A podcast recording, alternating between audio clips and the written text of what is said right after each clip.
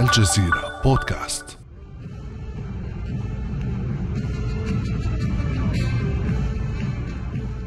الطرقات المحيطة بالجادة الخامسة في منهاتن مقفلة أمام حركة المركبات. جو احتفالي يسود شارع العلامات التجارية الباذخة منذ الصباح. يتجمهر الناس على امتداد الشارع السادس والأربعين.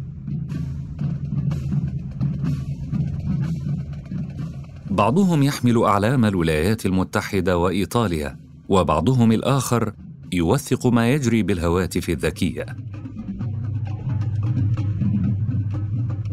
موكب احتفالي طويل ينطلق على وقع أنغام الفرقة الموسيقية لشرطة مدينة نيويورك.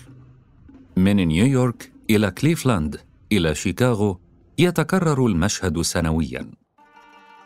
كل عام في يوم الاثنين الثاني من شهر أكتوبر تحتفل الولايات المتحدة بيوم كريستوفر كولومبوس. الرجل الذي ينسب له فضل اكتشاف ما يعرف اليوم بأمريكا. تنتصب تماثيل المستكشف الإيطالي شامخة في الشوارع والساحات. لكن في السنوات الأخيرة يتبدل الحال. من شيكاغو إلى سان فرانسيسكو تتعرض كثير من تماثيل كولومبوس للتخريب. تلطخ بالطلاء الأحمر كناية عن الدماء وتتعرض للتشويه. في بوسطن يفصل رأس التمثال عن القاعده وفي بالتيمور يرمى به في البحر. بعد أكثر من خمسة قرون على وفاته ما الذي دفع كثيرا من الأمريكيين إلى تشويه أحد رموز تاريخهم.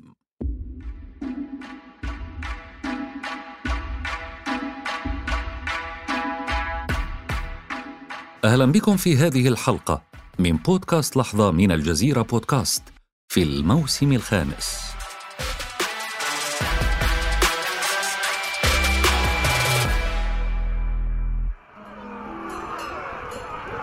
مطلع العام 1492 تسقط غرناطة آخر معاقل المسلمين في الأندلس.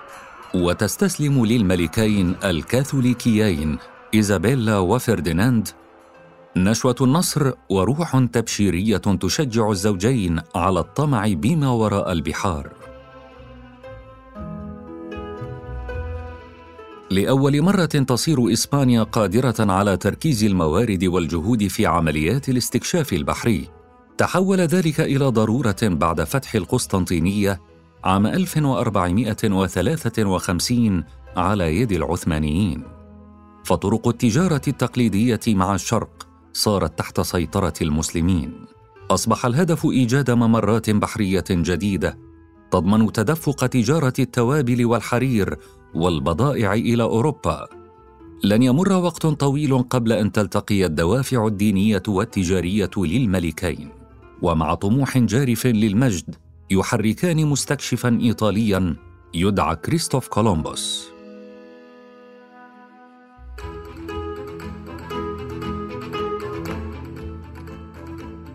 حتى يومنا هذا يحيط غموض كبير بالسنوات السابقة على استقرار ابن تاجر الصوف الجنوي في مدينة لشبونة البرتغالية. تتعدد الروايات حول تاريخه.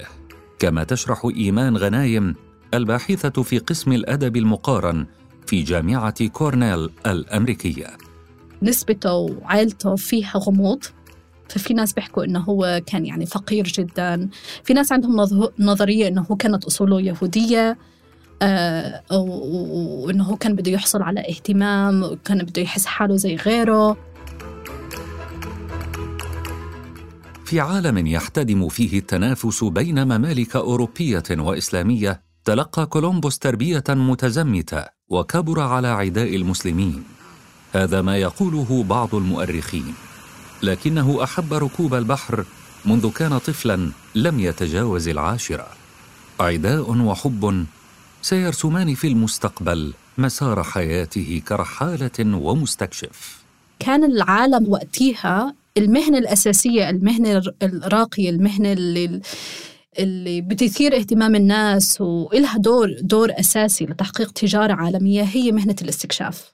so يعني كولومبوس كان جزء من يعني بحر من مستكشفين. كل ما أحكي اكتشاف تذكروا إنه بين قوسين لأنه فعليا نحن ما بنقدر نستكشف شيء already موجود. و already مسكون. آه ف فكريستوفر كولومبوس كان بالفعل جزء من من مستكشفين. سافروا لآسيا وسافروا لأفريقيا وسافروا لجزر في مختلف المحيطات. بدءا من العام 1476 يستقر كولومبوس في لشبونة ويبدأ العمل بالتجارة البحرية بين البرتغال وسواحل غرب أفريقيا. سريعا تجذبه رحلات المستكشفين البرتغاليين للتحقق من امكانيه الالتفاف حول إفريقيا للوصول إلى الهند. بمعاونة شقيقه يبدأ العمل على مشروع استكشاف استثنائي. بينما كان الكثيرون يسعون لإيجاد طريق بحري إلى آسيا بالإبحار شرقا يقرر كولومبوس القيام برحلة معاكسة. الوصول إلى آسيا بالإبحار غربا عبر المحيط الأطلسي. من بلاط ملكي إلى آخر دار حاملا خرائطه وملاحظاته بحثا عن من يمول حملته. كان تحقيق ذلك مهمة صعبة. جواو الثاني ملك البرتغال رفض المشروع مرتين وفشل كولومبوس في لقاء هنري السابع ملك إنجلترا. حتى إيزابيلا وفرديناند ملكا إسبانيا رفضا المشروع عندما جاءهما به أول مرة في عام 1486 لكنهما منحاه مخصصات مالية وظل على صلة بهما طوال ستة أعوام. وفي ربيع عام 1492 يوقع كولومبوس مع الملكين وثيقة امتيازات سانتا في لتمويل رحلته الاستكشافية إلى آسيا. وبحلول سبتمبر من العام نفسه تغادر ثلاث سفن من جزر الكناري مبحرة باتجاه الأطلسي. على متن سانتا ماريا أكبر السفن الثلاث يقف كولومبوس مبتهجا يفكر بالشرق. دون أن يعرف كيف ستغير رحلته شكل العالم إلى الأبد. تسعة وعشرون يوما مرت على بدء الرحلة. لا الهند ظهرت ولا الصين. البوصلة التي يتبعها كولومبوس تعطلت والآن لا يرى البحارة حولهم إلا مياه الأطلسي. أخيرا في السابع من أكتوبر يلحظ البحارة الخائفون أسرابا من الطيور تحلق بالقرب منهم. عندها يقرر كولومبوس تغيير مساره ومتابعتهم. بعد خمسة أيام متواصلة من الإبحار وفي عتمة الليل قبيل طلوع فجر اليوم السادس يعلو صراخ أحد البحارة. رأيت اليابسه صبيحة الثاني عشر من أكتوبر عام 1492 يطأ كولومبوس أرض الجزيرة التي أسماها سان سلفادور أحد جزر ما يعرف اليوم باسم الباهاما. ظن كولومبوس مخطئا أنه قد وصل إلى جزر الهند الشرقية. في اللقاء الأول بين الأوروبيين والسكان الأصليين أطلق عليهم تسمية ستلازمهم طويلا الهنود. في مذكراته دون الإيطالي عنهم يمكن أن يكونوا خدما مهارة وجيدين. إنهم يكررون بسرعة كل ما نقوله لهم. أعتقد أن من السهل جدا جعلهم مسيحيين لأنهم على ما يبدو بلا دين. النبرة تلك ستنعكس سريعا على أرض الواقع. بعد جولات استكشافية لعدة جزر تخيب توقعات كولومبوس حول الذهب والتوابل ويختار اسلوبا مختلفا لجمع الغنائم. أول وقف بالبهاماز وبعدين مشى لإسبانيولا إسبانيولا. هي جزيرة حاليا آه، بتحتوي على هيتي و Dominican Republic. آه، وحاول إنه بإسبانيولا إنه هو يقيم مستعمرة صغيرة. وهي المستعمرة الصغيرة هي كانت أول مستعمرة تبنى في بين قوسين العالم الجديد لما راح وقف بالبهاماس لاحظ إنه الناس لابسين ذهب. so إيش كان بده كان بده يخليهم يشتغلوا مقابل استكشاف الذهب. و... ويرجع لاسبانيا ويرجع للبرتغال ويرجع لفرديناند الثاني وإيزابيلا the First ويحكي لهم ال... ال... هاي رحلة الاستكشاف آه، حتحقق لكم ثراء يعني آه، خارج عن تصوركم حتى. بالفعل أبحر كولومبوس مطلع العام 1493 عائدا إلى إسبانيا. ترك وراءه 39 رجلا في مستعمرة إسبانيولا. وحمل سفنه بكميات لا بأس منها من الذهب وبعدد من سكان الجزر التي مر بها. رحلة شاقة استغرقت ثلاثة أشهر وصل في نهايتها مظفرا إلى شواطئ إسبانيا. بحفاوة شديدة استقبل البلاط الملكي وحاشيته المستكشف الذي وصل إلى جزر الهند الشرقية كما آمن الجميع. ومنح ترقية وتمويلا كبيرا لاستكمال البحث عن طريق الهند. أوائل الخريف ينطلق كولومبوس في رحلة جديدة.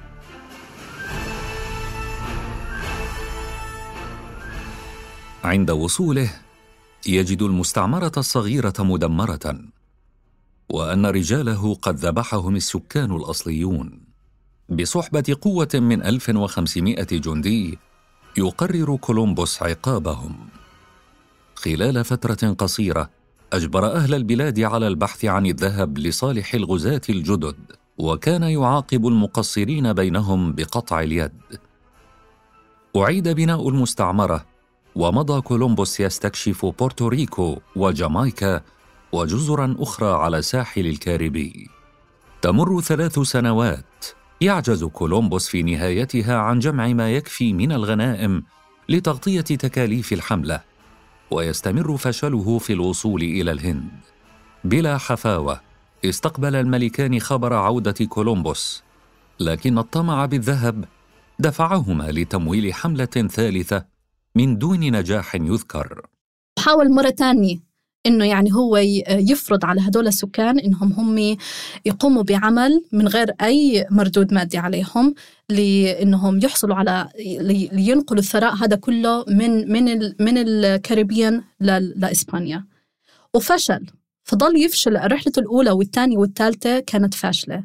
يضيق الملكان ذرعا بكولومبوس وتتراكم الشكاوى حول ممارسته الدموية بحق السكان الأصليين وحتى المستعمرين الإسبان. بحلول عام 1500 يكبل كولومبوس بالأصفاد ويرسل إلى إسبانيا. رغم إطلاق سراحه سريعا وتمويل رحلته الرابعة إلا أنه لم ينجح بمحو عار الإهانة. كولومبوس خاصة بعد رحلته الرابعة وهي آخر رحلة آه تحطمت سفينته واضطروا إنهم ينقذوه وأخذوه على رجعوه على إسبانيا وكان يعني رجع يعني آه بعار كثير عليه. وكل هاي الألقاب اللي حصل عليها في البداية كمستكشف عظيم إلى آخره انأخذت منه. وحيدا في بيته في بلد الوليد. قضى المستكشف السنوات الأخيرة من حياته. تناساه جميع من عرفه وأهملوه.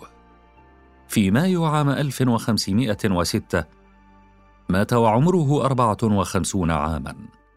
سيطوي النسيان اسم كولومبوس لفترة من الزمن فيما ستستمر الحملات الاستكشافية. لاحقا يدرك الأوروبيون صعوبة الوصول إلى الهند عبر الأطلسي. وأن كولومبوس بدلا من ذلك قد مهد لهم الطريق إلى دخول ما يسمى بالعالم الجديد.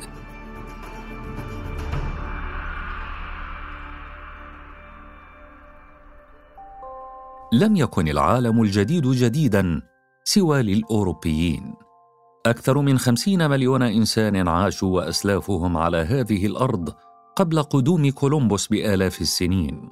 شعوب كثيرة دول وإمارات يتجاوز عددها المئات موزعة على امتداد القارة. على طول الساحل الشمالي لأمريكا استصلحت الأراضي وأقيمت فيها مزارع عامرة تتداخل بالقرى المكتظة بالسكان. على تلال الجنوب الشرقي شيدت حضارة الأزدك المعابد الضخمة. أما النصف الجنوبي من القارة فضم بيئات طبيعية شديدة التنوع وظهرت فيه واحدة من أكبر دول الأرض مساحة. إمبراطورية الإنكا.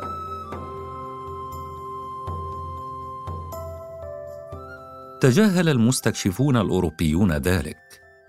محفزين بعقيدة الاستكشاف انطلقوا يسعون وراء استعمار الأراضي وجمع الذهب. بعد عام واحد على رحلة كولومبوس الأولى صدر مرسوم بابوي اعتبر شرعنة للتوسع فيما سمي بالعالم الجديد. فإذا وصل المستكشف إلى أرض جديدة مأهولة بغير المسيحيين أعلن اكتشافها باسم ملك أوروبي وزرع علم المملكة في ترابها يصير له الحق بتملك تلك الأرض. يرى أكاديميون وناشطون أن ذلك جرد السكان الأصليين من حقوقهم وجعلهم وأراضيهم عرضة لتسلط المستعمرين بعد أقل من عقدين على اللقاء الأول بينهم وبين كولومبوس مات أكثر من ثلثي سكان جزيرة إسبانيولا الأصليين نتيجة للعنف والأمراض التي جلبها الأوروبيون. كان ما جرى هناك صورة مصغرة عن المصير الذي ينتظر الشعوب الأصلية في أمريكا الشمالية والجنوبية على حد سواء. تعددت البعثات الأوروبية غربا حملة تلو الأخرى، وأسطولا بعد أسطول زادت عدوانية المستكشفين. فجأة وجدت الشعوب الأصلية في أمريكا نفسها عرضة لنوع مختلف من الاستعمار كما تشرح الأستاذة في الدراسات الأمريكية في جامعة ويزليان والشريكة المؤسسة في جمعية دراسات الأمريكيين الأصليين والشعوب الأصلية نايسا جي كيهولاني عرف السكان الأصليون نوعا من الاستعمار يعرف بالاستعمار الاستيطاني الذي اختلف عن الامتياز فرانشايزنج والاستعمار التقليدي وغيره من أشكال الاستعمار. يختص الاستعمار الاستيطاني بأنه استعمار يرتكز على مشروع الأرض. الاستعمار الاستيطاني هو شكل من أشكال الاستعمار الذي يجعل الأرض هي الهدف الأساسي الرئيسي وليس بالضرورة الهدف الوحيد لكنه الهدف الأساسي. انتقال اوبئه العالم القديم إلى الأرض الجديدة سهل للمستعمرين تحقيق خططهم. قائمة طويلة من الأمراض المجهولة للشعوب الأصلية اجتاحت القارة. فتك الجدري والحصبة وغيرها من الأمراض بملايين السكان. استعمر الأوروبيون مناطق شاسعة في أمريكا الشمالية بعد أن وصلوا إليها وقد خلت من الناس. أبادت الأوبئة جزءا من السكان الأصليين وتابعت سيوف الغزاة المهمة. نرى أن هناك محاولات دائمة لإنكار ما ارتكبه المستعمرون الأوروبيون من حروب إبادة على السكان الأصليين وقد اشتمل ذلك على الاستعباد في بعض الحالات. وإن كانت الأرض هي الدافع الرئيسي وراء العنف الذي ترتكبه مشاريع الاستعمار الاستيطاني فكيف يمكنك أن تنتزع الأراضي وهناك من يعيش عليها؟ وهذه كانت الخرافة التي ارتبطت بالقضية الفلسطينية. أرض بلا شعب لشعب بلا أرض. ففي النهاية لا يمكن أن تنتزع أرض شعب من دون أن تقوم بتغييب السكان الأصليين الذين يسكنون في هذه الأرض. وفي هذا كانت العلامة الثانية للاستيطان الاستعماري من خلال استحلال واستبدال السكان الأصليين بالمستوطنين. نمت المستعمرات الأوروبية كالفطر في أنحاء الأمريكيتين. خلال قرنين من الزمن امتلأ العالم الجديد بالفرنسيين والإنجليز والبرتغاليين إلى جانب الإسبان وغيرهم من الأوروبيين. بدا كما لو أن السكان الأصليين اختفوا من الوجود. تشير تقديرات إلى أن 80 إلى 95% قد ماتوا خلال المئة والخمسين عاماً الأولى التي تلت وصول الأوروبيين. وتحول الباقون إلى أقلية في أوطانهم. اليوم يستمر بعض من هؤلاء بالعيش في أراضي أسلافهم ضمن مناطق محددة تعرف بالمحميات ويتواجد اليوم في الولايات المتحدة نحو ستة ملايين وستمائة ألف من سكانها الأصليين. القارة الأمريكية الأصلانية الشمالية بالتحديد بيسكن فيها حالياً آه، فوق ال 550 آه، قبيلة وشعب آه، أصلاني. و550 تعترف فيهم الدولة الأمريكية يعني. برضو جزء من التناقض. سو في في في شعوب أصلانية معترف فيها وفي شعوب أصلانية مش معترف فيها. فالشعوب المعترف فيها فوق ال 550 وفي بعض منهم إلهم حكومات مستقلة وفي بعض منهم ما إلها حكومات مستقلة بعض منهم بسكنوا في reservations زي ما نحن بنعرف وفي بعض منهم إلهم حدود أرض معينة. بيمتلكوها. بس بكل الأحوال كل هاي الشعوب كل هاي الحكومات نحن بنحكي مستقلة بس هي فعليا مش مستقلة لأن هي ترضخ لسياسة وقانون الدولة الأمريكية. في مايو 2021 وبالقرب من مبنى مدرسة داخلية مغلقة في مقاطعة بريتش كولومبيا الكندية تعلن مجموعة من السكان الأصليين تحمل اسم الأمة الأولى العثور على 215 قبرا من دون شواهد. خلال فترة قصيرة يعثر على أكثر من 1100 قبر على امتداد البلاد. جميعها كانت لأطفال من السكان الأصليين. دفنوا بالقرب من مدارس داخلية. أجبرتهم السلطات على ارتيادها من أواخر القرن التاسع عشر وحتى أواخر القرن العشرين. ما لا يقل عن 150 ألف طفل انتزعوا من عائلاتهم ومنعوا من التحدث بلغتهم وتعرض بعضهم لصنوف مختلفة من الإهمال والعنف كجزء مما سمي بسياسة الاستيعاب. دفعت الاستكشافات رئيس الحكومة الكندية جاستن ترودو للاعتذار نيابة عن بلده. وتقدم أساقفة الكنيسة الكاثوليكية في كندا باعتذار أيضا للسكان الأصليين.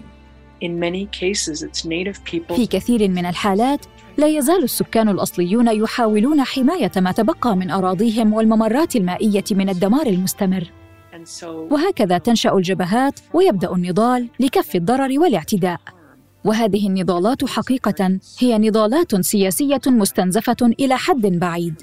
ولكن يرافق نضال السكان الأصليين في وجه اعتداء الدولة وعنف الدولة شيء من إحياء عادات السكان الأصليين وممارساتهم ومعيشتهم. وتبرز هذه الظاهرة برأيي جانبا من عملية ما يسمى التحرر من الاستعمار.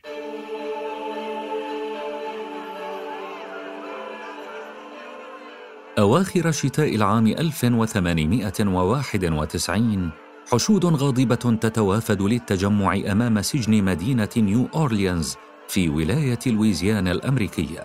آلاف من أهالي المدينة يعترضون على تبرئة إيطاليين متهمين بقتل رئيس الشرطة. تعلو الهتافات المعادية للمهاجرين، وسرعان ما يقتحم المئات منهم بوابة السجن. من الزنازين يسحب المهاجمون أحد عشر موقوفا إيطاليا. بعضهم عرض على المحاكمة وبرئ وبعضهم ليس له صلة بالجريمة. في وقت قصير مئات الرصاصات تخترق أجساد تسعة من المحتجزين فتقتلهم. يسحل الاثنان الآخران خارج السجن ومن ثم يتم إعدامهما. فظاعة الحدث تدفع الرئيس الأمريكي بنجامين هاريسون للتدخل. بين الخطوات التي يتخذها يعلن أول احتفال وطني بيوم كولومبوس في عام 1892 إحياء للذكرى الأربعمائة لوصول المستكشف الإيطالي. أعاد ذلك كولومبوس إلى أذهان الناس لأول مرة منذ ثورة الاستقلال الأمريكية ضد بريطانيا في ستينيات القرن الثامن عشر. لما الأمريكيين كانوا بدهم يحصلوا على تح... على استقلالهم من بريطانيا سموا حالهم أو سموا الأرض اللي هم عليها كولومبيا. استعملوا كولومبوس أجين كرمز مرة ثانية كرمز لاستقلاليتهم. تزايد اهتمام المؤرخين الأمريكيين بكولومبوس وأعلن الرئيس فرانكلين روزفلت يوم كولومبوس عيداً وطنياً عام 1937 المنهج التعليمي الأمريكي آه، هدفه سواء كولومبوس أو غيره. وكل الأنشطة اللي حصلت كل الأنشطة التاريخية اللي حصلت على أرض أمريكا آه، والكتابة عنها وتحويلها لمنهاج أكاديمي كله كان الهدف منه هو تمجيد صورة أمريكا كدولة. فيعني كولومبوس كان بالمناهج المدرسية ممثل كبطل كرمز لقيام الدولة الأمريكية. هذا الشخص بيصير رمز لعديد من الأشياء. فبالنسبة لكولومبوس كان هو مش بس رمز لقيام الدولة لاكتشاف العالم اللي أدى إلى قيام الدولة الأمريكية بس هو برضو رمز للاستكشاف وروح المغامرة والمثابرة. في المدارس تعلم الأطفال أن دافع رحلته كان إثبات كروية الأرض وأنه مكتشف أمريكا الشمالية. قصته هي اللي ثبتت لأنه قصته فيها كل كل العناصر اللي الناس بدها تسمع عنها. فيها إنه اكتشف إشي وهذا الإشي طلع أكبر اكتشاف في العالم وإلى آخره. فيعني هي القصة ما إن انحكت بهذا الشكل اللي هو التمجيدي اللي محى العنف واللي محى الاستعمار واللي محى السرقة واللي محى العبودية واللي محى كل هاي الأمور.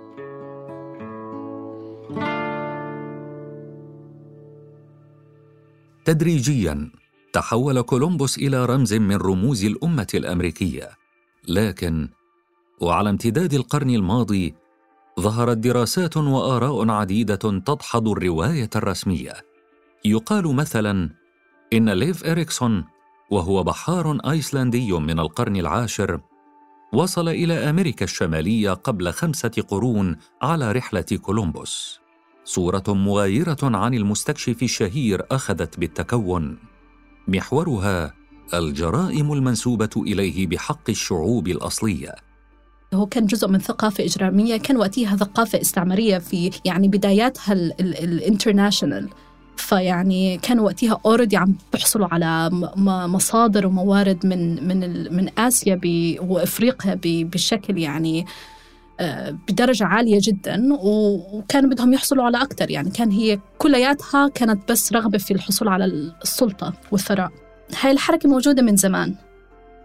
بس اللي عمله كريستوفر كولومبس اللي كان فيه ضرر كبير هو آه، شيئين رئيسيين هو إنه آه، استغلال الأرض واستغلال الناس للحصول على مردود مادي كتجارة.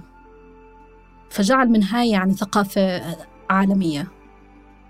و, و... so هو هو يمثل رمز ل رمز سلبي لل African Americans بأمريكا بس هو أيضا رمز جدا سلبي لل Native Americans وال American Indians انقسم الأمريكيون بين مطالب بإنهاء أسطورة كولومبوس وبين مؤيد لبقائها.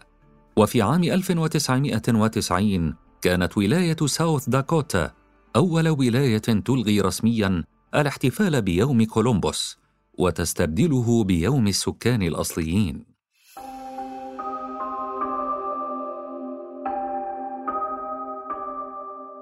شيئا فشيئا تهشمت صورة كولومبوس في أذهان جزء من الأمريكيين. بعد مقتل الأمريكي من أصول أفريقية جورج فلويد على يد الشرطة الأمريكية في مايو 2020 انفجرت موجة احتجاجية واسعة ضد الجريمة. وامتدت سريعا إلى كل أنحاء العالم. تماثيل كريستوف كولومبوس المنتشرة على طول البلاد وعرضها تتحول هدفا للمحتجين. بعد سنوات من التمجيد تحول المستكشف الإيطالي إلى رمز من رموز حقبة الاستعباد والاستعمار في أذهان الكثيرين. في الثامن من أكتوبر عام 2021 يصبح جو بايدن أول رئيس أمريكي يعلن رسميا الاحتفال بيوم السكان الأصليين دون أن يلغي احتفال كولومبوس في اليوم نفسه. كان مشهور بعدين انذل بعدين صار مشهور وحاليا بعد ما الناس هلأ آه، الشعب عم بيعترض أكثر أكثر على هذا التاريخ المشوه آه، فهلأ كولومبوس آه، صار مقارن أكثر كرمز استعماري وكرمز كمجرم.